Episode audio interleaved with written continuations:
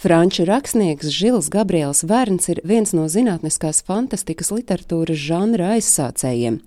Apvienojot vētrainu un bagātu fantāziju ar jaunākajiem zinātnes sasniegumiem, kuriem viņš vērīgi sekoja visu mūžu, rakstnieks savā mūžā sarakstījis vairāk nekā simt romānu, arī lūgas īsos stāstus, vēsturiskus un ceļojumu aprakstus. Žila Vērna darbi tulkoti vairāk nekā 140 valodās, bet populārākie noteikti ir piecas nedēļas gaisa balonā, ceļojums uz Zemes centru, kapteiņa Granta bērni, 20 tūkstoši lie pa jūras dzelmi, 80 dienās ap zemeslodi un noslēpumu sala. Bet piedzima Žils 1828. gada 2. augustā Nantē. Viņa tēvs pārstāvēja senu Provansas juristu dzimtu, kamēr mamma nākusi no skotu kuģu būvnieku ģimenes. Un varētu domāt, ka dēku romānu autors pats savā dzīvē būtu piedzīvojis neskaitāmus piedzīvojumus. Izrādās, ka viens no spilgtākajiem notikumiem ir izbaudīts patsmitnieku vecumā, kad viņš esot piekukuļojis kādu kuģa jungu un viņa vietā grasījies doties uz Karību salām. Tiesa tālāk par nākamo Francijas ostu zēns nav ticis, jo tēvs aizmukušo piedzīvojumu meklētāju burtiski nocēlis no kuģa, piekodinot apsolīt, ka turpmāk viņš ceļos tikai savā iztēlē, nevis dzīvē. Pēc tam, kad topošā rakstnieka plāns kuģot uz Karību salām izpalika, vispirms viņš licejā mācījies latīņu valodu bet, kad Žilam apritēja 20 gadu, tēvs viņu nosūtīja uz Parīzi, lai jauneklis turpinātu tēva iesākto un studētu jurisprudenci. Tikmēr pats Žils sapņojas par rakstnieka karjeru.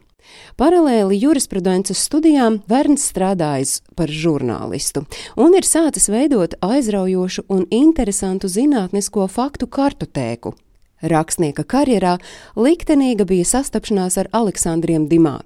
Kamēr Dimā tēvs palīdzēja Vernam uzsākt rakstnieka karjeru, Dimā dēls kļuva par labu žila draugu. Un var teikt, ka tieši pateicoties iepriekš minētajai zinātnisko faktu kartotēkai sākās Verna radošā karjera, jo romāns Piecas nedēļas gaisa balonā radās pateicoties šai kartotēkai.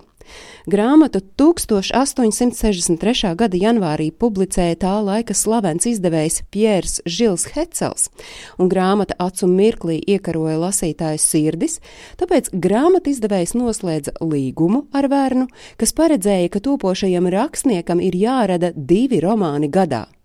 Starp citu, rakstniekam bijušas milzīgas darba spējas. Viņš varēja sākt rakstīt piecos no rīta un atstāt savu darba galdu vien vēlā vakarā. Autors esot bijis sarežģīta personība. Viņš gan esot bijis liels jogdaris un burtiski izstarojis dzīvelīgumu, bet patiesībā bijis ļoti kautrīgs un mīlējis vientulību. Visērtāk viņš esot jūties būdams viens, vai nu rakstot, vai zvejojot. Un starp citu romānu kapteiņa Granta bērni autors sarakstījis vienatnē uz jahtas. Kad viņa saulē aizgāja rakstnieka mamma un viņa ilgadējais izdevējs, Žila Vērna darbi kļuva ar vien drūmāki. Bet 1886. gada 9. martā Vērnu pie mājas sliekšņa sagaidījis psihiski slimais brāļa dēls un iešāvis rakstniekam kājām. Lodi neizņēma, un tas sagādāja Vērnam nepārtrauktas sāpes bet vēl pāris gadu vēlāk rakstnieks zaudēja redzi. Tomēr viņš turpināja rakstīt diktējot grāmatas līdz pat savai nāves stundai 1905. gada 24. martā. Bet aiz sevis rakstnieks atstāja ne tikai virkni izcilu romānu, bet arī tiem laikiem neticamus pareģojumus. Piemēram, ka cilvēki ir kļuvuši pārmēru alkatīgi, kultūra atstāta novārtā, visur ir sacelti debesskrāpji, kursē ātrvilcieni, noziedzniekus soda uz elektriskā krēsla, bet bankas izmanto skaitļojamās mašīnas. Un tās nav vienīgās rakstnieka nākotnes vīzijas, kas ir piepildījušās.